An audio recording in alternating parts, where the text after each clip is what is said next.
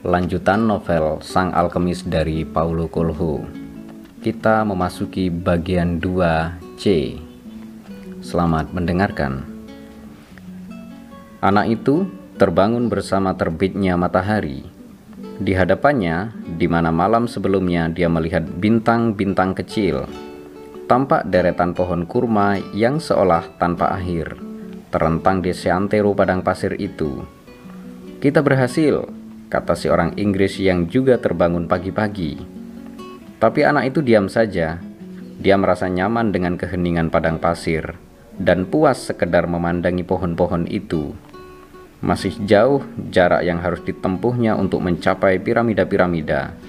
Dan suatu hari nanti, pagi ini hanya akan menjadi kenangan baginya. Tapi seperti inilah suasana ini pesta yang disebutkan pemandu unta itu semalam dan dia ingin menikmatinya, seperti halnya dia menikmati pelajaran-pelajaran yang diperolehnya di masa lalu dan impian-impiannya untuk masa depan. Meski suatu hari nanti pemandangan pohon-pohon kurma ini akan tinggal kenangan, sekarang ini pohon-pohon itu menjanjikan tempat berteduh, air, dan perlindungan dari perang. Kemarin, erangan unta seperti menandakan bahaya, dan sekarang deretan pohon kurma ini menyuarakan keajaiban. Dunia ini bisa bicara dalam banyak bahasa, pikir anak itu. Cepat sekali waktu berlalu, begitu pula rombongan demi rombongan karavan. Pikir sang alkemis sambil mengawasi ratusan orang dan bintang yang tiba di oasis itu.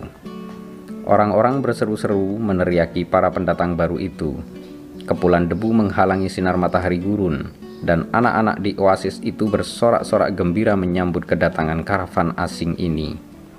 Sang alkemis melihat para kepala suku menyalami pimpinan karavan dan berbicara panjang lebar dengannya. Tapi semua itu tidak penting bagi sang alkemis. Dia sudah banyak melihat orang-orang datang dan pergi, sementara padang pasir itu tetap tak berubah. Dia telah melihat raja-raja dan para pengemis menapaki pasir pasir gurun. Bukit-bukit pasir senantiasa berubah bentuk. Bukit-bukit pasir senantiasa berubah bentuk tersapu angin. Namun pasir itu sendiri telah dikenalnya sejak dia masih kanak-kanak. Dia selalu senang melihat kebahagiaan yang dirasakan para pengelana saat mereka melihat lagi kehijauan pohon-pohon kurma setelah berminggu-minggu hanya melihat pasir kuning dan langit biru. Mungkin Tuhan menciptakan padang pasir supaya manusia bisa menghargai pohon-pohon kurma itu, pikirnya. Dia memutuskan untuk berkonsentrasi pada urusan-urusan yang lebih praktis. Dia tahu di antara rombongan karavan itu ada seseorang yang mesti diajari rahasia-rahasianya. Dia mengetahui hal ini dari pertanda-pertanda yang dialaminya dia belum tahu siapa orang itu, tapi matanya yang sudah terlatih akan bisa langsung mengenalinya kalau orang itu muncul nanti.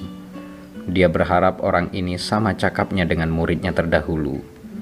Aku heran, kenapa hal-hal ini harus disampaikan dari mulut ke mulut, padahal ini bukan rahasia. Tuhan menyatakan rahasia-rahasianya dengan begitu saja pada semua makhluk ciptaannya. Hanya ada satu penjelasan untuk hal ini Hal-hal tersebut harus disampaikan dengan cara ini karena mereka terbuat dari kehidupan murni, dan kehidupan jenis ini tidak bisa ditangkap dalam gambar-gambar ataupun kata-kata. Sebab orang-orang mudah terpesona oleh gambar-gambar dan kata-kata, hingga pada akhirnya mereka melupakan bahasa dunia. Anak itu tak percaya apa yang dilihatnya.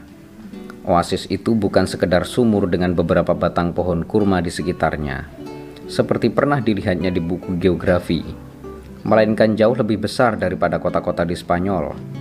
Ada 300 sumur, 50 ribu pohon kurma, dan kemah-kemah berwarna tak terhitung banyaknya tersebar di antara pohon-pohon itu. Seperti pemandangan di seribu satu malam, kata si orang Inggris yang sudah tak sabar ingin bertemu sang alkemis. Mereka dikerubuti anak-anak kecil yang penasaran ingin melihat dari dekat binatang-binatang serta orang-orang yang baru datang itu. Kaum laki-laki di oasis itu ingin tahu apakah mereka sempat melihat pertempuran dalam perjalanan, dan kaum wanitanya saling berebut ingin melihat kain dan batu-batu mulia yang dibawa para saudagar. Keheningan padang pasir terlupakan sudah. Para pengelana dalam rombongan karavan itu berbicara riuh rendah, tertawa-tawa, dan berteriak-teriak, seolah-olah mereka baru saja keluar dari dunia spiritual dan kembali berada di dunia manusia. Mereka begitu lega dan bahagia. Semasih di padang pasir, rombongan mereka sudah mengambil langkah-langkah untuk waspada tapi si pemandu unta menjelaskan pada anak lelaki itu bahwa oasis selalu dianggap wilayah netral, sebab sebagian besar penghuninya wanita dan anak-anak. Banyak oasis di seluruh bentangan padang pasir itu, tapi kaum prianya berperang di padang pasir. Sementara oasis-oasis dijadikan tempat perlindungan. Dengan agak susah payah, pimpinan karavan mengumpulkan para anggota rombongannya dan memberikan instruksi-instruksi pada mereka Kelompok mereka mesti tetap tinggal di oasis ini sampai pertikaian antar suku berakhir. Berhubung mereka pendatang, mereka mesti berbagi tempat tinggal dengan para penduduk lokal dan mereka akan diberi akomodasi terbaik. Demikianlah hukum keramah tamahan. Kemudian dia minta agar setiap orang, termasuk penjaga-penjaganya sendiri, menyerahkan senjata mereka pada orang-orang yang telah ditunjuk oleh para kepala suku. Begitulah hukum-hukum perang. Si pemimpin menjelaskan, oasis ini tidak boleh menampung tentara atau pasukan. Si anak lelaki terheran-heran ketika orang Inggris itu mengeluarkan revolver berlapis krom dari dalam tasnya dan menyerahkannya pada orang-orang yang bertugas mengumpulkan senjata. Kenapa membawa revolver? tanyanya. Benda itu membantuku mempercayai orang, sahut si orang Inggris. Sementara itu, Si anak lelaki memikirkan harta karunnya. Semakin dekat dia pada perwujudan impiannya, semakin sulit situasi-situasi yang dihadapinya. Seperti keberuntungan pemula, seperti istilah raja tua itu, tidak lagi menyertainya. Dalam usahanya mengejar impian itu, ada-ada saja cobaan yang dialaminya untuk menguji keteguhan hati serta keberaniannya. Maka dia tak bisa terburu-buru ataupun tak sabar kalau dia merengsek maju secara membabi buta, dia akan luput melihat isyarat-isyarat dan tanda-tanda yang diberikan Tuhan sepanjang jalannya. Tuhanlah yang telah menempatkan tanda-tanda dan isyarat-isyarat itu sepanjang jalanku. Dia terkejut sendiri dengan pemikiran ini. Sebelum ini, dia menganggap pertanda-pertanda sebagai hal duniawi, seperti makan dan tidur, menemukan cinta, atau mencari kerja. Tak pernah terpikir olehnya bahwa mereka adalah bahasa Tuhan untuk menunjukkan apa yang harus dia lakukan. Janganlah engkau tak sabar, dia berkata pada dirinya sendiri. Seperti dikatakan pemandu unta itu, makanlah pada saat makan dan berjalanlah pada saat harus berjalan. Pada hari pertama itu, orang-orang tidur kelelahan termasuk si orang Inggris. Si anak lelaki diberi tempat jauh dari temannya di kemah lain bersama lima pemuda sebayanya. Mereka ini anak-anak padang pasir, dan mereka merubunginya karena ingin mendengar cerita-ceritanya tentang kota-kota besar. Si anak lelaki menceritakan kehidupannya sebagai gembala. Ketika dia hendak menceritakan pengalaman-pengalamannya di toko kristal, orang Inggris itu masuk ke dalam kemah. Aku mencari-carimu sepanjang pagi, katanya. Diajaknya anak itu keluar. Aku perlu bantuanmu untuk mencari tahu tempat tinggal alkemis itu. Mula-mula mereka berusaha sendiri mencari sang alkemis. Orang itu mungkin berbeda cara hidupnya dari orang-orang lain di oasis itu. Dan ada kemungkinan di dalam kemahnya ada oven yang terus-menerus menyala. Mereka mencari ke mana-mana dan mendapati oasis itu ternyata jauh lebih besar daripada yang mereka bayangkan. Ada ratusan kemah di situ kita hampir menghabiskan waktu seharian, kata si orang Inggris sambil duduk bersama anak itu di dekat salah satu sebuah sumur. Mungkin sebaiknya kita tanya seseorang, si anak menyarankan. Orang Inggris itu tidak mau memberitahukan alasannya datang ke oasis ini pada orang-orang. Jadi, dia ragu-ragu. Tapi akhirnya dia sependapat bahwa sebaiknya si anak lelaki bertanya saja Toh anak itu bisa berbahasa Arab lebih lancar daripada dirinya. Anak itu mendekati seorang wanita yang datang hendak mengisi kantong airnya di sumur. Selamat siang bu, saya sedang mencari-cari tempat tinggal sang alkemis di oasis ini. Wanita itu mengatakan dia belum pernah mendengar tentang orang itu. Lalu dia cepat-cepat pergi. Tapi sebelum pergi, dia menasehati si anak agar tidak mengajak bicara wanita-wanita yang berpakaian hitam, sebab mereka wanita yang sudah menikah. Si anak mesti belajar menghormati tradisi. Orang Inggris itu kecewa. Sepertinya perjalanan panjangnya kemari sia-sia.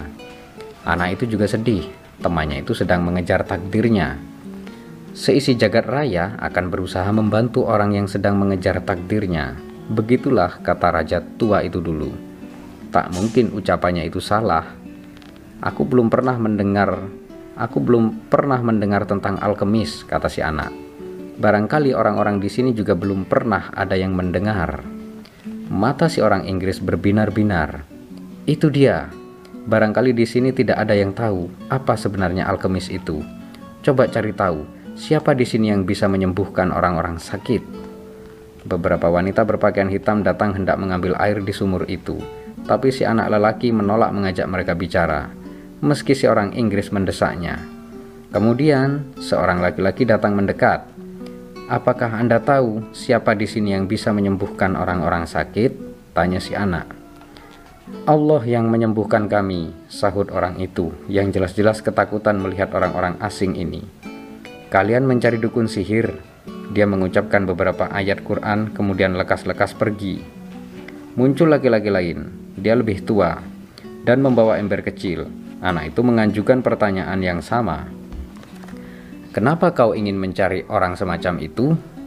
tanya orang Arab itu.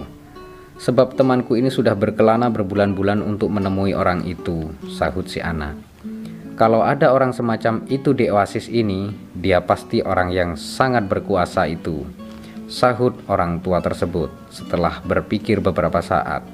Bahkan para ke Kepala suku pun tak bisa melihatnya meski mereka ingin.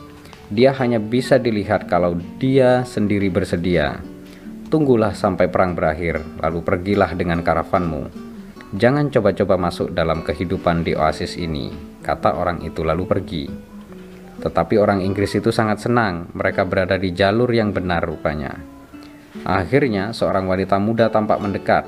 Dia tidak berpakaian hitam, Wanita itu membawa buyung di bahunya. Kepalanya tertutup kerudung, tetapi wajahnya tidak bercadar.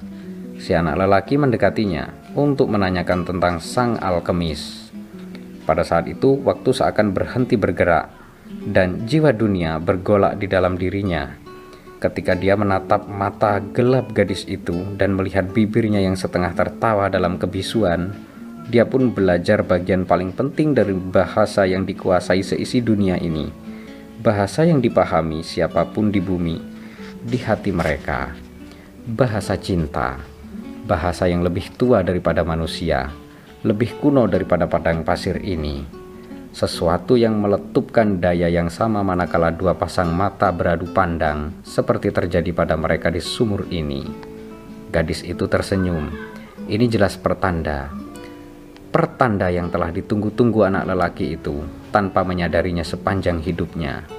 Pertanda yang selama ini dicari-carinya bersama domba-dombanya di dalam buku-buku yang dibacanya, di antara kristal-kristal itu dan dalam keheningan padang pasir ini.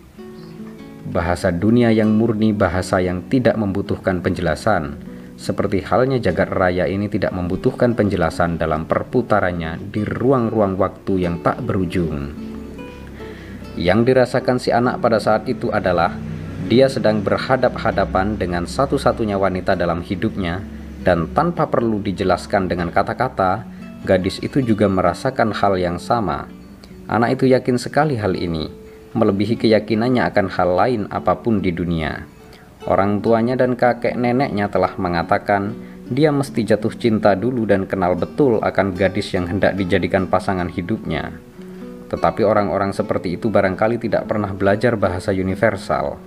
Sebab kalau kau mengerti bahasa tersebut, mudah saja memahami bahwa ada seseorang di dunia ini yang menanti-nantimu, entah di tengah gurun atau di kota besar.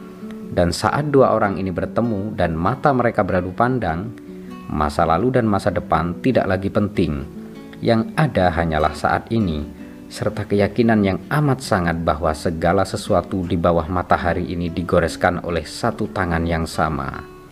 tangan yang telah membangkitkan rasa cinta, menciptakan kembaran jiwa untuk setiap orang di dunia. Tanpa cinta semacam itu, mimpi-mimpi kita tak lagi berarti. Maktub, pikir si anak. Si orang Inggris mengguncang-guncang anak itu. Ayo tanya dia. Si anak mendekati gadis itu. Gadis itu tersenyum. Si anak lelaki membalas senyumnya. Siapa namamu? tanyanya. Fatima, sahut gadis itu sambil mengalihkan mata. Di negeriku juga ada wanita-wanita dengan nama itu. Itu nama anak perempuan Nabi, kata Fatima. Para penakluk mempopulerkan nama itu ke mana-mana. Gadis cantik itu berbicara dengan nada bangga tentang para penakluk. Si orang Inggris menyodok si anak dan anak itu menanyakan pada si gadis tentang orang yang biasa mengobati orang-orang sakit di sini. Itu orang yang tahu semua rahasia dunia, kata gadis itu. Dia bisa berkomunikasi dengan jin-jin padang pasir. Jin-jin adalah roh-roh baik dan jahat. Si gadis menunjuk ke arah selatan. Di sanalah orang aneh itu tinggal. Kemudian dia mengisi buyungnya dengan air dan beranjak pergi. Si orang Inggris juga pergi untuk mencari sang alkemis. Anak itu duduk sendirian di dekat sumur.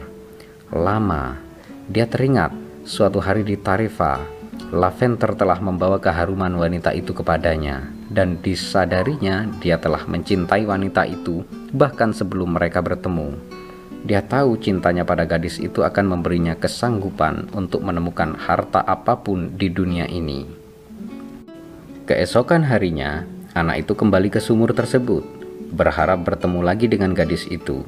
Dia terkejut melihat si orang Inggris ada di situ, memandang ke padang pasir luas Aku menunggu sepanjang siang dan malam, katanya. Dia muncul bersama datangnya bintang-bintang yang pertama. Kutukan padanya, apa yang kucari, dan dia bertanya apakah aku pernah mengubah logam menjadi emas. Kukatakan justru karena ingin belajar hal itulah aku datang kemari. Dia mengatakan aku mesti mencoba. Hanya itu yang dikatakannya. Pergilah dan cobalah. Si anak lelaki tidak mengatakan apa-apa, Orang Inggris yang malang ini sudah datang jauh-jauh tapi hanya disuruh mengulangi lagi percobaan yang sudah berkali-kali dilakukannya. Nah, cobalah kalau begitu, kata si anak pada orang Inggris itu. Memang akan kulakukan, aku akan mulai lagi sekarang. Setelah orang Inggris itu pergi, Fatima datang dan mengisi buyungnya dengan air. Aku datang untuk memberitahumu satu hal ini, kata si anak lelaki. Aku ingin kau menjadi istriku, Aku mencintaimu. Gadis itu menjatuhkan buyungnya dan airnya di dalamnya tumpah. Aku akan menunggumu di sini setiap hari. Aku telah menyeberangi padang pasir ini untuk mencari harta karun yang ada di dekat piramida-piramida. Dan bagiku, perang ini ibarat kutukan. Tapi sekarang ternyata perang ini suatu berkah, sebab aku jadi dipertemukan denganmu. Suatu saat nanti, perang ini akan berakhir, kata gadis itu. Anak itu melayangkan pandang ke sekitarnya pada pohon-pohon kurma yang tumbuh di sana. Dia mengingatkan dirinya bahwa dulu dia seorang gembala dan dia bisa menjadi gembala lagi. Fatima lebih penting daripada harta karun itu. Para anggota suku selalu mencari harta karun, kata gadis itu, seolah-olah bisa menebak pikiran si anak lelaki. Dan kaum perempuan di padang pasir ini bangga akan pria-pria mereka dia mengisi kembali buyungnya, lalu pergi. Anak itu datang ke sumur setiap hari untuk bertemu dengan Fatima. Dia menceritakan kisah hidupnya sebagai gembala, tentang raja tua itu dan tentang tuku kristal. Mereka jadi bersahabat. Hari-hari berlalu lambat kecuali saat-saat 15 menit yang dilaluinya bersama Fatima. Ketika dia sudah hampir sebulan tinggal di oasis itu, pimpinan karavan memanggil semua anggota rombongannya untuk berkumpul. Kita tidak tahu kapan perang akan berakhir, jadi kita tidak bisa meneruskan perjalanan, katanya. Perang ini bisa berlangsung lama, barangkali hingga bertahun-tahun. Kedua belah pihak sama-sama kuat, dan perang ini sama pentingnya bagi mereka. Ini bukan perang antara kebaikan melawan kejahatan. Ini perang antara kekuatan-kekuatan yang hendak menyeimbangkan kekuasaan, dan perang seperti ini berlangsung lebih lama daripada perang-perang jenis lainnya sebab Allah berpihak pada kedua-duanya. Orang-orang kembali ke tempat tinggal masing-masing. Si anak lelaki pergi menemui Fatima siang itu. Dia menceritakan pertemuan pagi tadi. Fatima berkata, "Sehari setelah kita bertemu, kau bilang padaku kau mencintaiku. Lalu kau mengajariku sedikit bahasa universal dan jiwa dunia. Karena itulah aku menjadi bagian dirimu." Anak itu mendengarkan suara Fatima, dan di telinganya suara itu lebih merdu daripada desau angin di antara pepohonan kurma. Aku telah lama menunggumu di sini, di oasis ini. Aku telah lupa masa laluku, adat istiadat bangsaku, dan bagaimana pandangan kaum pria gurun tentang bagaimana seharusnya kaum wanita bersikap. Sejak masih kecil, aku telah mengangankan padang pasir ini memberiku hadiah yang indah. Sekarang hadiahku sudah datang, engkaulah orangnya. Si anak lelaki hendak meraih tangan Fatima, tapi kedua tangan gadis itu memegang erat gagang-gagang buyungnya. Kau telah menceritakan padaku tentang mimpi-mimpimu, raja tua itu dan harta karunmu. Kau juga menceritakan pertanda-pertanda itu. Jadi, sekarang tidak ada lagi yang ku takutkan. Sebab pertanda-pertanda itulah yang telah membawamu padaku. Aku bagian dari mimpimu, bagian dari takdirmu, seperti kau katakan. Karena itulah aku ingin kau meneruskan mencari impianmu kalau kau merasa harus menunggu sampai perang berakhir, tunggulah. Tapi kalau kau merasa harus pergi sekarang juga, pergilah mengejar mimpimu. Bukit-bukit pasir ini senantiasa berubah di embus angin, akan tetapi padang gurun itu tak pernah berubah. Begitu pula cinta kita. Maktub, kata gadis itu.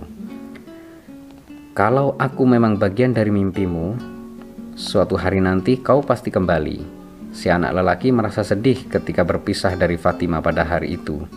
Dia teringat para gembala kenalannya yang sudah menikah. Mereka kesulitan meyakinkan istri-istri mereka bahwa mereka harus mengembara ke padang-padang yang jauh. Cinta menuntut mereka untuk tetap tinggal bersama orang-orang yang mereka sayangi. Dia mengatakan hal itu pada Fatima ketika mereka bertemu lagi. Padang gurun ini mengambil kaum pria kami, dan mereka tidak selalu kembali lagi, kata Fatima. Kami sudah tahu itu, dan kami sudah terbiasa. Mereka yang tidak kembali menjadi bagian dari awan-awan, binatang-binatang yang bersembunyi di jurang-jurang, dan air yang memancar dari dalam bumi. Mereka menjadi bagian dari segala sesuatu. Mereka menjadi jiwa dunia. Tapi ada juga orang-orang yang pulang kembali Wanita lainnya ikut bahagia sebab mereka yakin suami-suami mereka juga akan kembali suatu hari nanti. Aku suka memandangi wanita-wanita itu dan merasa iri akan kebahagiaan mereka. Sekarang aku pun akan menjadi salah satu wanita yang menunggu-nunggu. Aku wanita gurun dan aku bangga akan hal itu.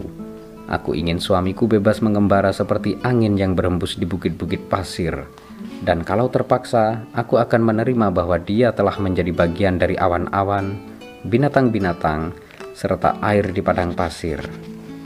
Si anak lelaki pergi mencari orang Inggris itu. Dia ingin menceritakan tentang Fatima. Dia terkejut mendapati orang Inggris itu telah membuat tungku di luar tendanya. Bentuknya aneh dengan bahan bakar kayu api. Ada labu bening sedang dipanaskan di atasnya. Orang Inggris itu menatap padang pasir. Kedua matanya lebih berbinar-binar daripada ketika dia sedang membaca buku-bukunya. Ini tahap pertama prosesnya, katanya. Aku mesti memisahkan dulu belerangnya. Supaya berhasil, aku tidak boleh takut gagal. Takut gagal inilah yang selalu membuatku tidak berani mencoba menghasilkan karya agung ini. Sekarang, aku memulai percobaan yang seharusnya sudah bisa kulakukan 10 tahun yang lalu tapi setidaknya aku senang tidak menunggu sampai 20 tahun.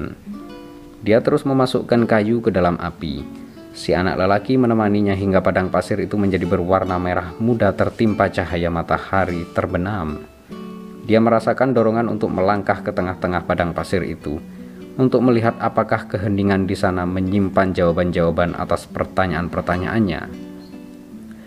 Dia berjalan-jalan sejenak, tapi tidak mau terlalu jauh dari pohon-pohon kurma di oasis itu. Dia mendengarkan desau angin dan merasakan batu-batu di bawah kakinya.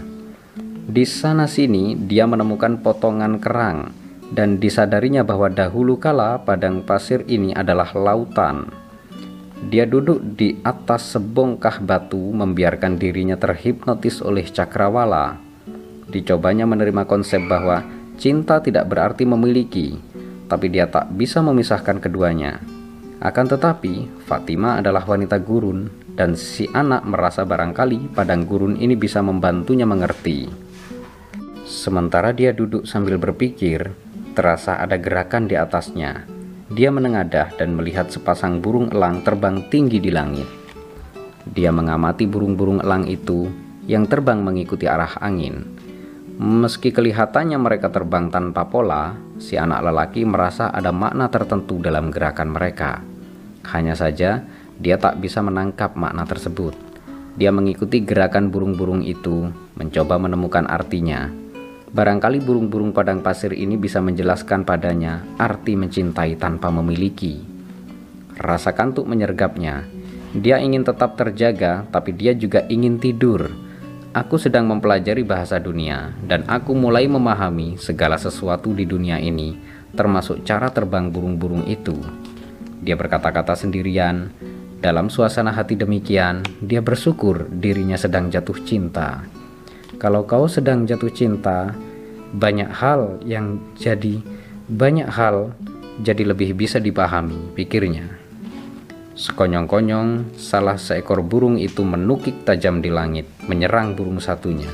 Pada saat yang sama, sekelebat bayangan muncul dalam benak anak itu. Ada pasukan dengan pedang-pedang terhunus berderap memasuki oasis. Bayangan ini lenyap dengan mendadak, tetapi anak itu sangat terguncang. Dia pernah mendengar tentang Fata Morgana dan pernah juga melihatnya sendiri. Fata Morgana adalah hasrat-hasrat yang begitu kuat sehingga muncul dan mengambil wujud di pasir gurun. Tetapi dia tentunya tidak ingin ada pasukan menyerbu oasis itu. Dia ingin melupakan bayangan tersebut dan meneruskan meditasinya. Dicobanya kembali berkonsentrasi pada nuansa-nuansa merah muda padang pasir beserta bebatuannya. Tapi ada sesuatu di hatinya yang tidak mengizinkannya berbuat demikian. Selalu ikuti pertanda-pertanda, demikian kata raja tua itu.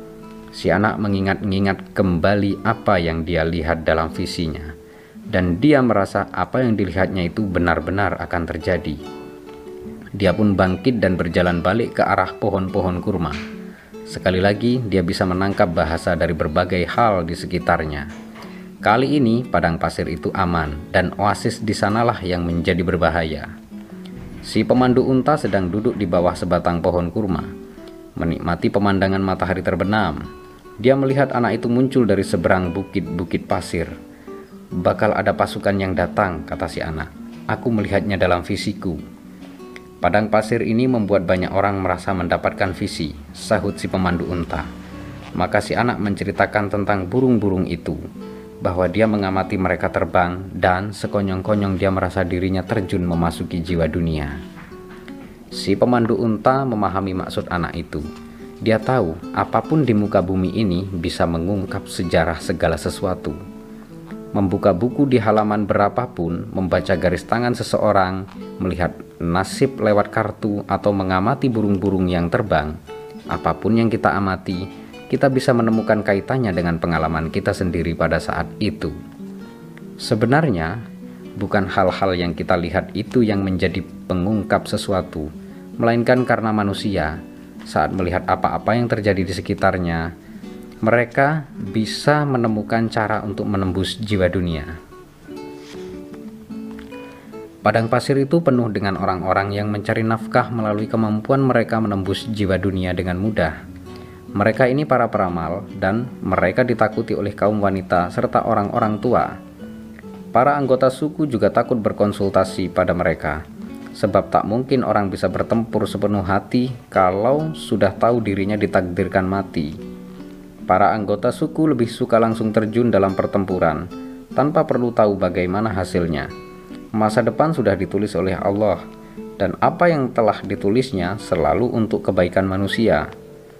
Maka para anggota suku hidup hanya untuk saat ini, sebab saat ini penuh dengan kejutan, dan mereka harus membuka mata terhadap banyak hal di mana pedang musuh, di mana kudanya, pukulan macam apa yang harus dilancarkan selanjutnya supaya bisa bertahan hidup. Si pemandu unta bukanlah pejuang, jadi dia pernah berkonsultasi pada para peramal.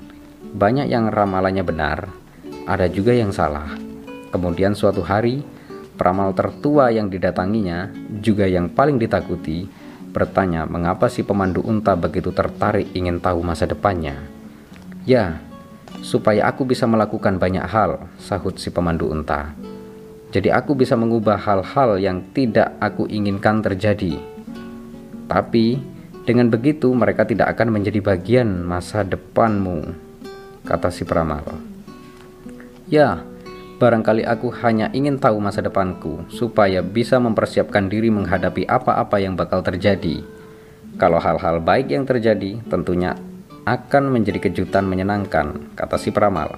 Kalau hal-hal buruk yang terjadi dan kau sudah tahu sejak semula belum apa-apa kau sudah menderita jadinya. Aku ingin tahu tentang masa depan karena aku laki-laki, kata si pemandu unta pada si peramal. Dan laki-laki menjalani hidup mereka dengan berpatokan pada masa depan. Peramal itu ahli dalam meramal menggunakan metode ranting-ranting kayu. Dia melemparkan ranting-ranting itu ke tanah kemudian menafsirkannya berdasarkan posisi jatuhnya.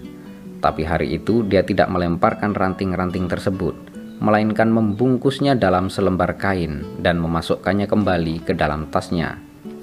Aku mencari nafkah dengan meramal masa depan orang-orang, katanya. Aku menguasai ilmu membaca ranting-ranting dan aku tahu cara menggunakan mereka untuk menembus ke tempat segala sesuatu yang telah tertulis. Di sana, aku bisa membaca masa lampau, menemukan apa-apa yang telah terlupakan, dan memahami pertanda-pertanda yang ada di masa sekarang. Kalau orang-orang datang berkonsultasi padaku, aku bukannya membaca masa depan mereka, aku sekedar menebak. Masa depan adalah milik Tuhan, dan hanya dialah yang bisa mengungkapnya. Dalam keadaan-keadaan tertentu, bagaimana caraku menebak masa depan? Berdasarkan pertanda-pertanda yang ada sekarang ini, rahasianya ada pada saat sekarang ini kalau kau menaruh perhatian pada saat sekarang, kau bisa memperbaikinya. Dan kalau kau memperbaiki saat sekarang ini, apa yang akan datang juga akan lebih baik. Lupakan soal masa depan. Jalani setiap hari sesuai ajaran-ajaran yang telah kau terima. Yakinlah bahwa Tuhan mengasihi anak-anaknya. Setiap hari membawa keabadian bersamanya. Si pemandu unta bertanya, dalam keadaan-keadaan apa Tuhan akan bersedia membuka masa depannya. Hanya kalau dia sendiri hendak mengungkapnya, dan Tuhan jarang sekali mengungkap masa depan. Kalaupun dia melakukannya, alasannya hanya satu, masa depan itu telah digariskan untuk diubah.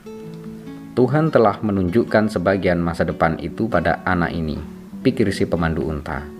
Mengapa dia ingin anak ini menjadi alatnya Pergilah menemui kepala-kepala suku, kata si pemandu unta. Beritahu mereka tentang pasukan-pasukan yang sedang menuju kemari. Mereka bakal menertawakan aku.